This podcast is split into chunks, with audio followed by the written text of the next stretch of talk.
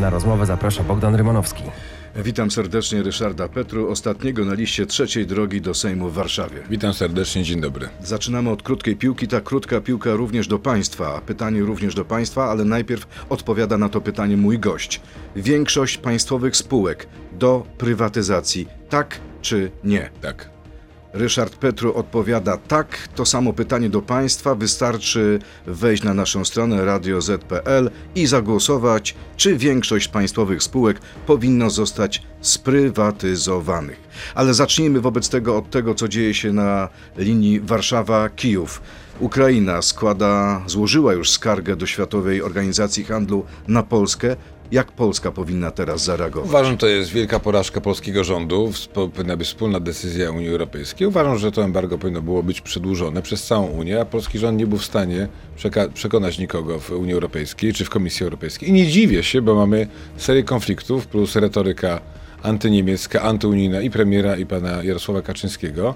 Nie dziwię się więc, że nas nie słuchają. Dwa, obawiam się, że stanowisko polskiego było, rządu było takie nie i już, a tu trzeba szukać rozwiązań, tłumaczyć, pokazywać argumenty.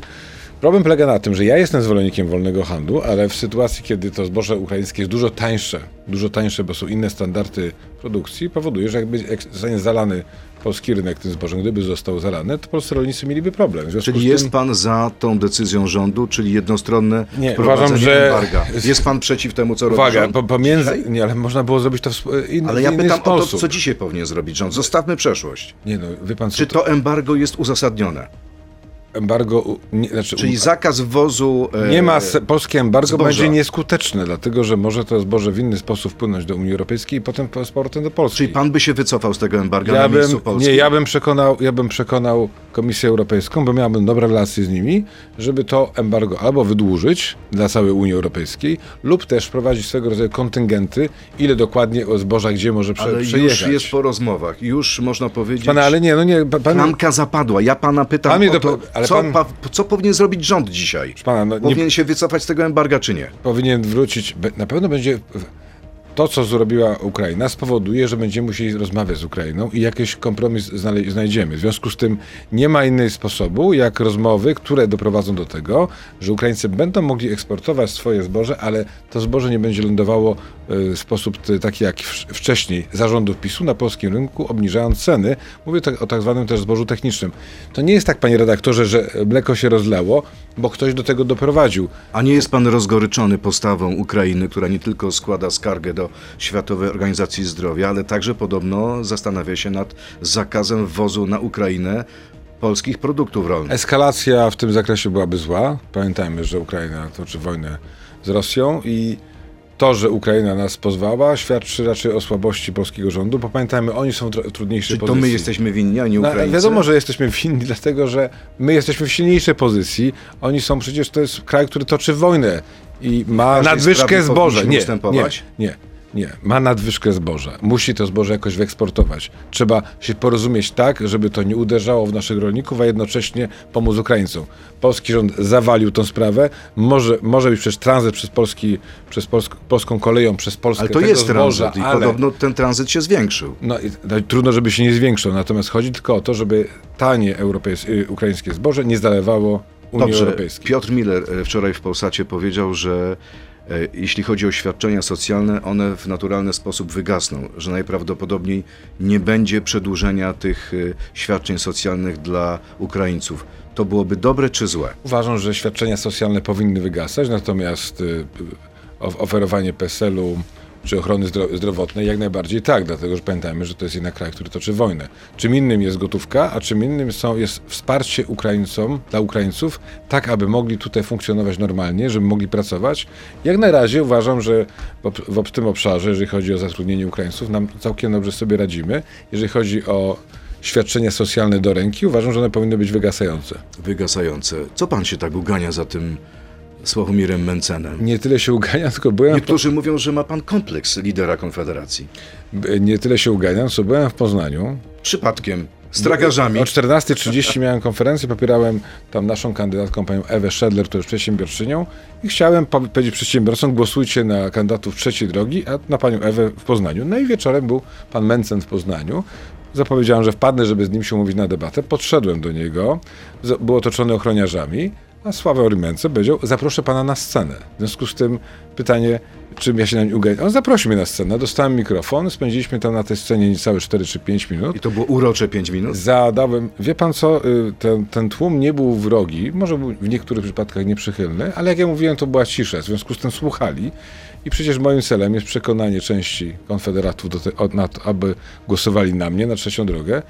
I mam wrażenie, to się udało. Zadałem mu trzy pytania. Pierwsze o likwidację ZUS-u. Jak spytałem kiedy, to powiedział, że nie wie.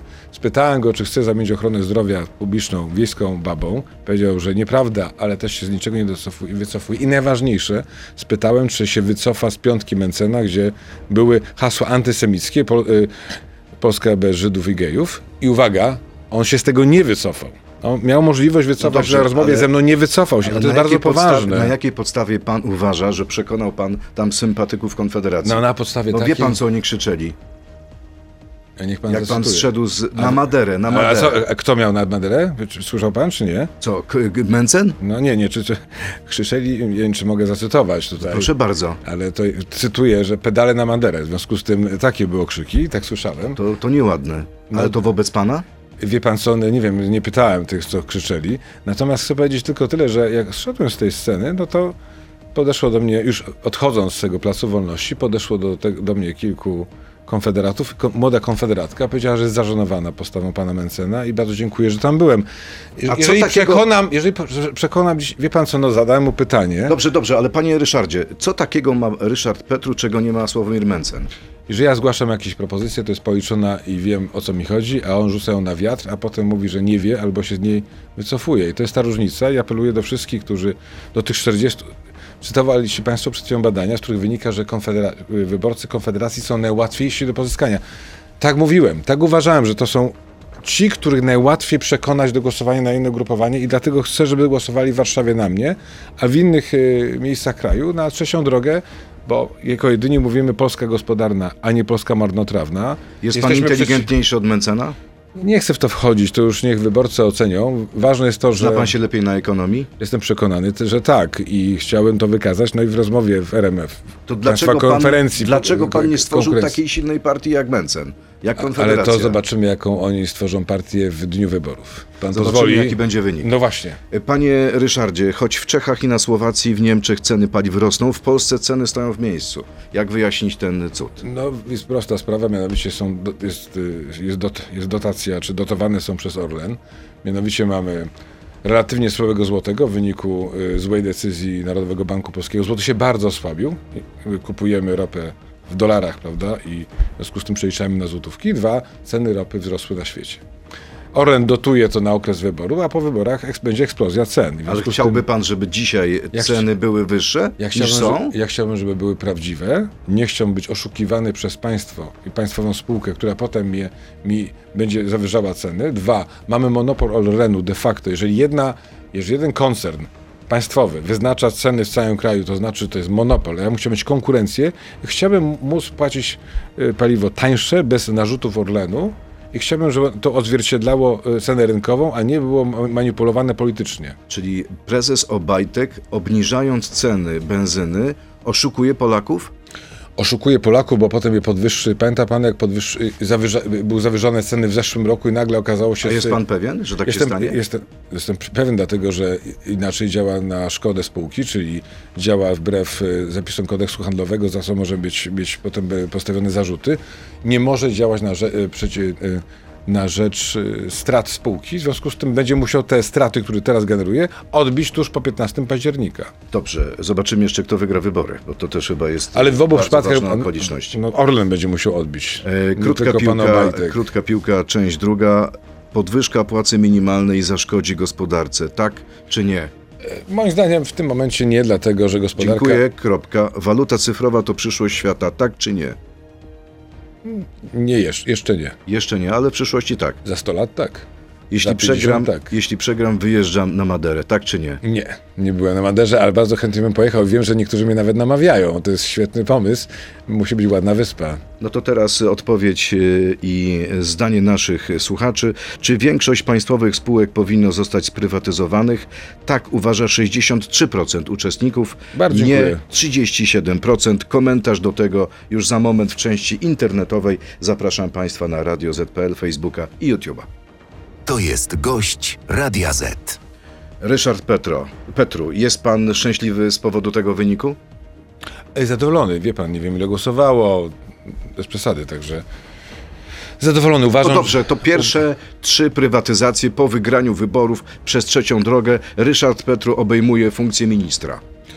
No Trzy prywatyzacje, konkretnie. Na pewno PKSA jako bank, PKO BP jako bank. To są. No i uważam, że jeżeli chodzi o Orlen, to, to jest wyższa, to jest trudniejsza sprawa, bo musi być podzielony i to muszą być firmy konkurencyjne następuje ich prywatyzacja. Nie mogą być oczywiście żadne ręce rosyjskie, ale in, in, ani inne. Ważne, żeby te instytucje były albo publicznie na giełdzie, albo miały inwestorów strategicznych, ale żeby była konkurencja, to jest podstawa. Czyli jeszcze raz, prywatyzacja dwóch banków i podział Orlenu. Tak. I prywatyzacja następnie.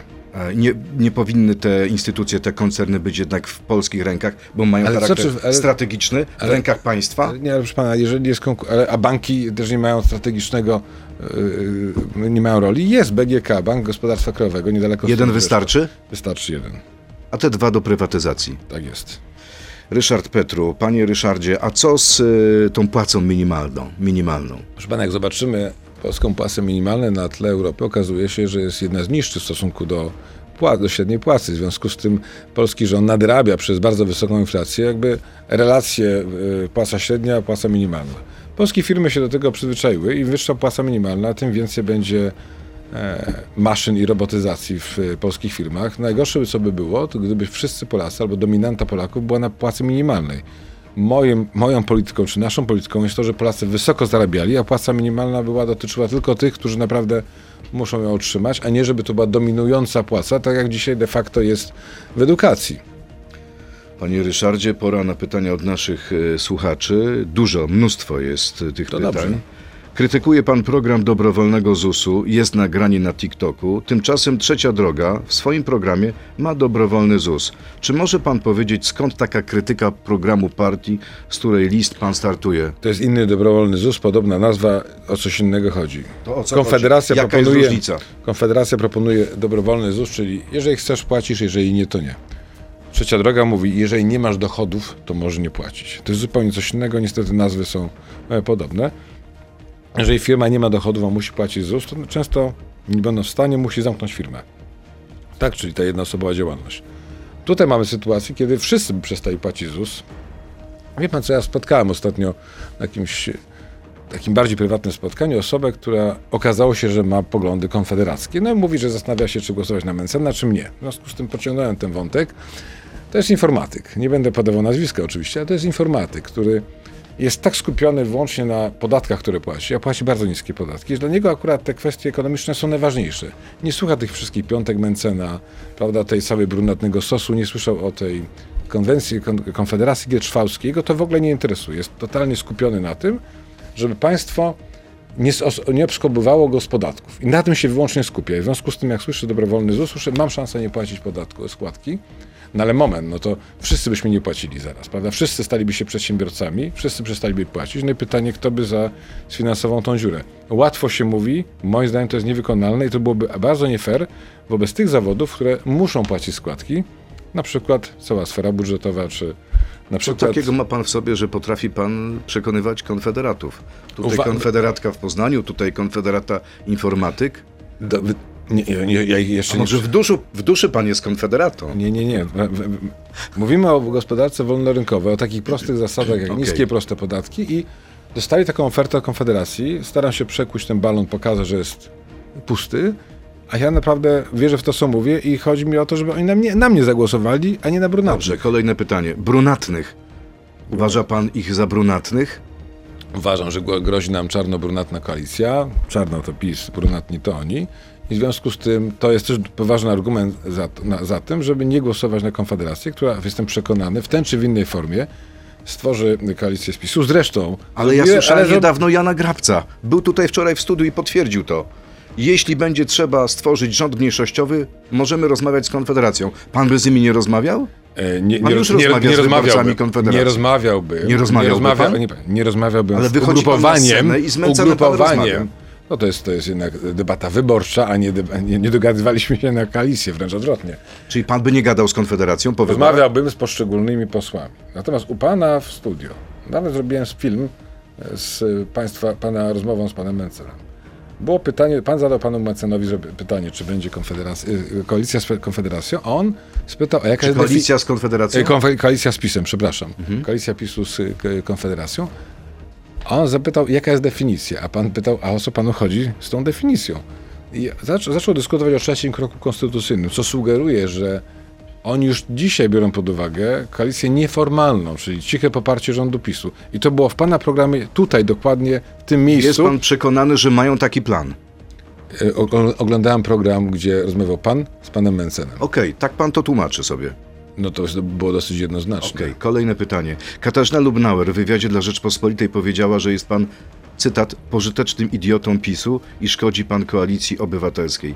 Skąd wzięło się takie stwierdzenie u pańskiej byłej koleżanki? Zakładam, że to jest jakaś stała wypowiedź i Katarzyna by się z niej dzisiaj wycofała. Czyli teraz już jest miłość między wami. Na pewno nie ma wrogości. Wiele osób mówi, że powinien pan przejąć partię Szymona Hołowni. Nie mam Czy ma pan takich- taki plan? Nie mam takich planów, jestem skromnym kandydatem na posła 40 miejsca w Warszawie i waż, zależy mi na tym, żeby opozycja wygrała wybory, żeby po- polska gospodarka była dobrze zarządzana, że nie była tak, pieniądze nie były tak marnotrawione jak obecnie i chciałbym dostać się do Sejmu z tymi poglądami i zabrać też e, siłą rzeczy e, wyborców Konfederacji, no i to będzie 15 października, wiadomo. Czyli Ryszard Petru młot na Konfederację. To pan tak powiedział. Wie pan, czy będę, czy, czy, czy będzie skuteczne, czy nie, okaże się dopiero w dniu wyborów. Pan- Jednak jest dużo przed nami dni. No, prawie miesiąc. To jest dużo. Pan dobrze wie, że teraz to wszystko się teraz będzie decydować. Ten punkt startowy nie jest zły, ale ostatnie tygodnie kampanii są jakby krytyczne. Kolejne pytanie. Krytykował pan w wywiadach rozdawnictwo, tymczasem wchodzi pan do partii, która chce rozdawać akademiki za złotówkę. Jakie to uczucie jest zostać socjalistą? Nie, ale to ważne jest to, żeby... No nie ma takiego pomysłu? Ważne, żeby akademik... Jest taki pomysł. Ważne, ważne, żeby akademik był No jest pan za czy przeciw? Ważne, ważne, żeby akademik był dostępny. Jestem za tym, żeby samorządy czy uczelnie, jeżeli na to stać, do, je dofinansowywały. Jeżeli będzie to możliwe za złotówkę, okej. Czy przepracował pan 30 godzin w ramach wolontariatu i złożył stosowne zaświadczenie wymagane przez Szymona Hołownię, aby zostać kandydatem Polski 2050 w wyborach? Tak. A gdzie pan przepracował, może Pan- pan powiedzieć? To, wie pan co, to są, to są to, to były różnego rodzaju jakby bezpłatne wykłady dla młodzieży. To była taka to traktuje pan jako wolontariat? Tak potraktowałem to jako wolontariat. Pytanie oczywiście o definicję wolontariatu. No właśnie, bo myślałem, że jakieś prace społeczne, pomoc w Fizyczna? domu pomocy społecznej, Akurat nie, nie, nie robiłem tego, ale to nie znaczy, że, się, że tego nie chcę. Nie. czyli bezpłatne wykłady dla, e, dla ludzi, Dla młodzieży, tak. dla młodzieży. E, Dobrze, kolejne pytanie. Mm, I to robiłem to nie przez całe życie, to robiłem włącznie z, y, ze spotkaniami dla małych dzieci i tak dalej, promocją książek i to wszystko robiłem bezpłatnie. Ale to robił pan to w ostatnim czasie, żeby Nie. zostać takie zaświadczenie? Nie, nie, nie, nie, nie, nie, nie. Czy w ogóle ma pan taką zasadę, że Mam pan tak- po prostu nie bierze pieniędzy? Tak, tak, mam taką zasadę. Czy od małych y, dzieci i uczniów pan nie bierze, a od dorosłych tak? A nie od dorosłych często też nie. Nie bierze pan? Nie, często To od też. czego to zależy? Wie pan, czy to jest, y, czy ktoś to robi komercyjnie, czy robi to społecznie. Robi społecznie, nigdy nie biorę żadnego wynagrodzenia. Że to jest komercyjnie i ktoś na tym też zyskuje, że występuje, to jest zupełnie coś innego. Jak Ryszard Petru czuje się z zamianą ról, gdy to pani Henik Kloska jest dzisiaj jego szefową? Z, z, z Heni Kloską współpracujemy i jakby nie rozmawialiśmy o tych relacjach jeszcze. Wie pan co, jestem skromnym kandydatem z 40 miejsca w Warszawie i tak postrzegam swoją e, misję. Natomiast z, z, Heni Kloską mieliśmy taką sytuację, że po, po decyzji Rady Polityki Pieniężnej umówiliśmy się razem na konferencję. O ile pamiętam, była to moja inicjatywa, w związku z tym Czyli relacje są bardzo jest, dobre. Są dobre. Lepsze niż z Katarzyną Lubnauer. A nie, nie, nie mieliśmy potrzeby ostatnio jakby się umawiać na jakimkolwiek konferencji, ale być może taki moment przyjdzie po wyborach. Plagą tego państwa kolejne pytanie jest praca na czarno, na przykład w gastronomii czy budowlance. Jak trzecia droga zamierza sobie z tym poradzić? No to jest poważny, to jest poważny problem. Najlepszym sposobem jest oczywiście to, żeby można było mieć większe marże w tych, y, żeby ci, którzy produkują, mogli mieć wię- większe marże, wtedy w sposób naturalny będą płacili składki i podatki. Dwa, przepisy muszą być jasne i proste. Nie może być tak, że każdy ryzykuje zaraz, że wpadnie na wyższe opodatkowanie. Proste i niskie podatki powodują, że wtedy nie ma szarej strefy. Ale czy uważa pan, że w ogóle jest taki idealny kraj, gdzie to można wykarczować? Zawsze będzie Im bardziej na czarno. kraje północy mają mniej czarnej pracy niż kraje południa, tak w skrócie jest, nie? Natomiast nie chciałbym teraz wchodzić w szczegóły. Co do zasady proste, jeżeli podatki, które płacimy są niskie i proste, jeżeli widzimy, że to idzie na usługi publiczne, to jesteśmy skłonni płacić. Taka jest prosta zasada. Kolejne pytanie. Czy ma pan jakiś kompleks Sławomira Mencena? Właściwie w każdej pańskiej publicznej wypowiedzi, w każdym twicie i na TikToku pojawia się nazwisko lidera Konfederacji. Co takiego ma Mencen, czego nie ma Petru? E, Miał dotychczas e, poparcie, duże poparcie, którego nie miałem i w związku z tym chcę przyjąć poparcie od Konfederacji i to jest to, o co mi chodzi. Chce pan się pożywić Konfederacją? Chcę, chcę przejąć wyborców, część wyborców pana Mencena, szczególnie tych, którzy, start, którzy mogą głosować w, w Warszawie i do nich z tego miejsca apeluję o to, żeby oddali głos na mnie, a nie na pana Mencena, bo lepiej by było, gdybym był to ja ministrem finansów, gdybym miał taką ofertę, niż pan Mencen. I A dlaczego? chyba- Co byłoby lepszego w tym? Wszystko, co by, bo to byłoby, Dlaczego mieliby na tym skorzystać obywatele? bo to, co będę mówił, będzie realne i policzone, a nie rzucone na wiatr. A Mencen tego nie policzył? Nie, na 100% nie policzył i co chwilę koryguje, no bo jeżeli prosto, na proste pytanie, czy likwidacja ZUS-u tak czy nie, mówi tak, ja pytam go kiedy, to mówi nie wie. To nie jest poważna propozycja. Może myśli o to, o tym, z kim robić tą likwidację ZUS-u, z jaką partią? Nie, nie, powiedział, że nie wie. Jeżeli ktoś z kimś pan chce robić tą likwidację ZUS-u, to musi powiedzieć pan, jaką ma ścieżkę dojścia, w jakiej formie pan likwiduje. Nie jest to poważna propozycja, nie jest to przemyślany program, jest to zbiór fajnie brzmiących haseł, które powodują jednak, że połowa obecnych wyborców Konfederacji nie jest do końca pewna, czy ich nie robią w bambuko. Czy dostrzega pan jakieś sensowne propozycje, kolejne pytanie, gospodarcze Konfederacji, nad którymi pan mógłby w przyszłości współpracować razem z Mencenem? To porozmawiamy o tym po 15 października. Na pewno takie są, natomiast na e, przykład nie jakie? mogę, nie mogę. Wy... Pan, na przykład my rozmawialiśmy o tym, że NFZ powinien być podzielony na konkurencyjne Kasy chorych. kasy chorych, ale konkurencyjne, a nie tak kiedyś były regionalne. Natomiast wie pan, od Do pomysłu. tego chce Mencen. Ale do, od, od pomysłu do realizacji, no bo to, jak to zrobimy? Po drugie, wie pan, nie można wyjmować kawałków programów nie zap, i zapominać o piątce, antysemickiej piątce Mencena, czy też o konwencji, czy konferencji gierczwałskiej, plus hasła takie właśnie jak e, zlikwidujemy wam podatki i będzie fajnie, no wie pan, Czyli w Konfederacji Ważne są- podoba się panu baza, ale nie nadbudowa. Nie, nie cała baza. Niektóre pomysły są takie, są podobne do moich, no, mogę w ten sposób powiedzieć. Mam tą, To kto komu je ukradł? Tego to nie wiem, natomiast ja to głoszę od jakiegoś dłuższego czasu, przed tym jak jeszcze pan Mencen był znanym e, politykiem. A wie pan, że dzisiaj jest tak, że to trzecia droga może nie wejść do Sejmu, bo jest blisko progu, a Konfederacja ma mniej więcej w średniej tyle Osta- samo co trzecia Ostatni droga. trend jest e, inny. Konf- trzeciej drodze rośnie, Konfederacji spada. Ale nadal ja mam... to jest koło 9-10 dla obu ugrupowań. Zgoda, natomiast ja mam doświadczenia z, kam- z kampanii wyborczej i wiem, że te osoby niezdecydowane w momencie, kiedy dają głos, podbijają w większości ugrupowań wynik ostateczny, no bo muszą głosować wyłącznie na partie, które są w danym momencie na liście wyborczej. I wiem też, że bardzo jednoznaczny przekaz w końcówce kampanii, dobra kampania może podwoić nawet wynik.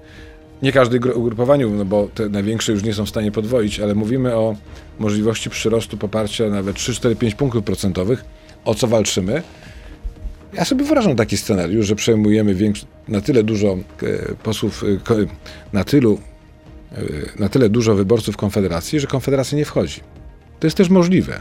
Uważa pan, że To jest możliwe. pańska ofensywa może zabić Konfederację? M- Sam nie wystarczę, ale jeżeli będzie mocna ofensywa całej trzeciej drogi i bardzo jasnym przekazem gospodarczym, to możemy ich wepchnąć pod próg.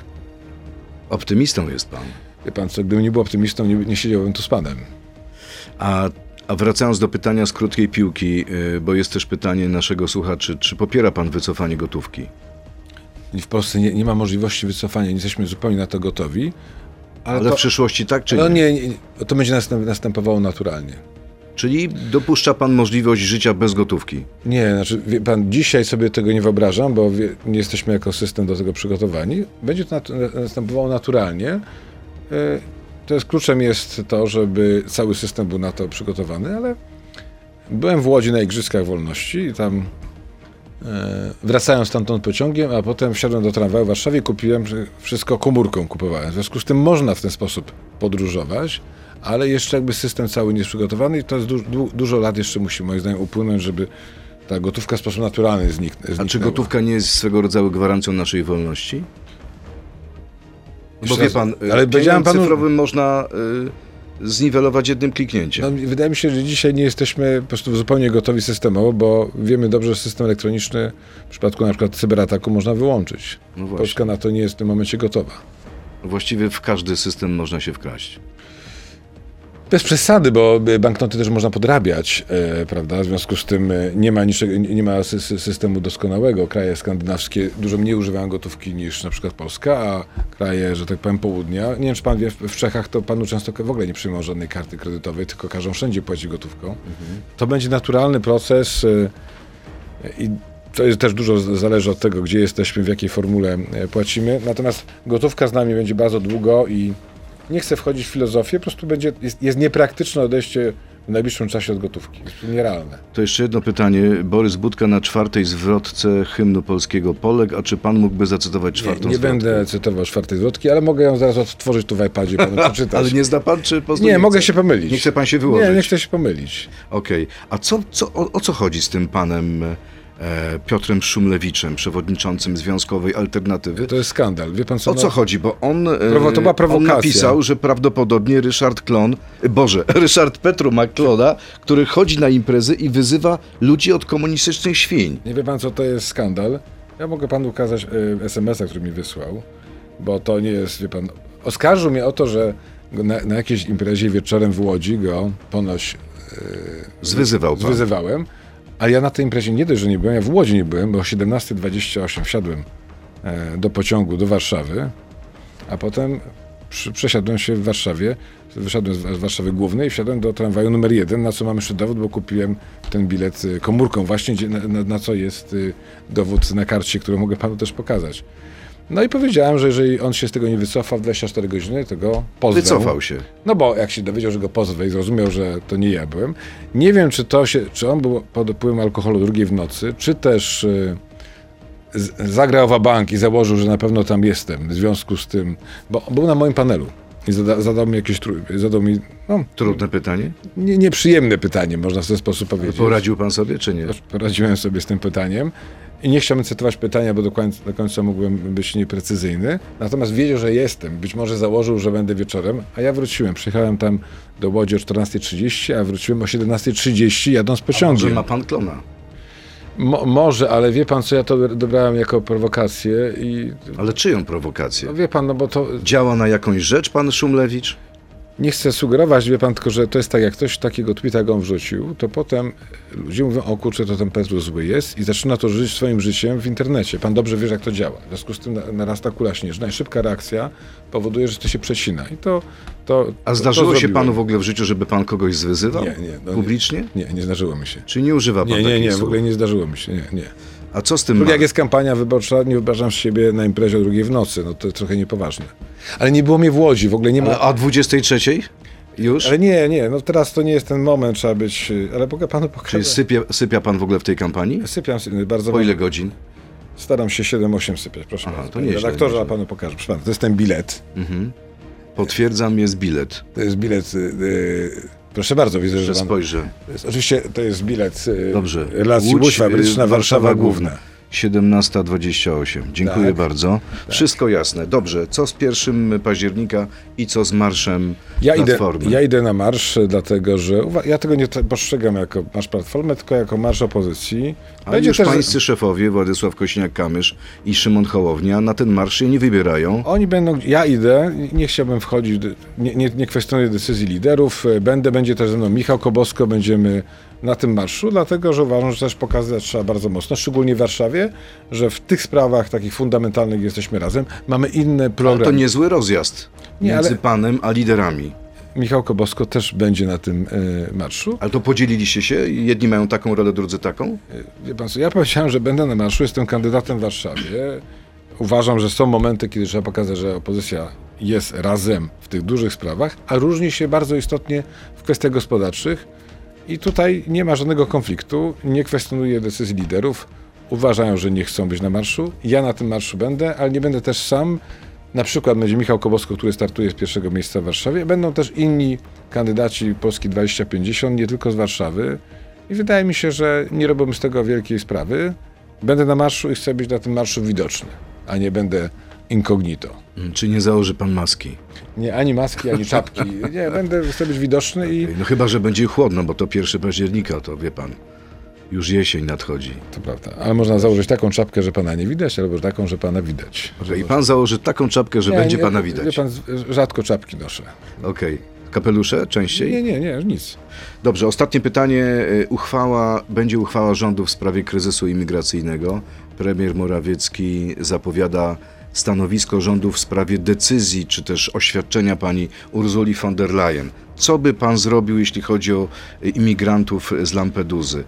Y, y, Rozprowadziłby pan ich po całej Europie, ale- czy też odesłał do Afryki? No ale y, wypowiedź pani premier Włoch, pani Meloni, była jednoznaczna, że nie możemy dalej rozprowadzać po Europie, bo z kolejni migranci będą przyjeżdżać. No właśnie, bo to tego, jest co sygnał wiem, dla nich. Z tego co wiem, Komisja Europejska chce prowadzić zasadę, że ci, którzy naprawdę nie wymagają azylu, będą odsyłani z powrotem. Natomiast polski rząd sprowadził ponad 130 tysięcy osób z krajów takich jak Turcja, Indie, Kazachstan, Indonezja, Bangladesz, Algeria, Pakistan, Nigeria, Etiopia, Afganistan. Ale rząd twierdzi, że to jest różnica, bo to byli y, sprowadzeni legalnie imigranci. Ale proszę pana, A tutaj chcą ludzie no, nielegalnie Nie, przejść. nie, ale to, ale, Nie ma raz żadnej no, różnicy? Jest różnica. Tylko polski rząd sugeruje, że w ogóle do nas nikt nie przyjeżdża, a jednak wprowadza ponad tysiąc osób z, e, z Afganistanu, ponad 3 tyś, prawie 3 tysiące z Etiopii, ponad 3 tysiące z e, Nigerii czy z Pakistanu. A pana zdaniem polska gospodarka, biorąc pod uwagę no to, że mnóstwo osób przejdzie na emeryturę, mamy problem z demografią,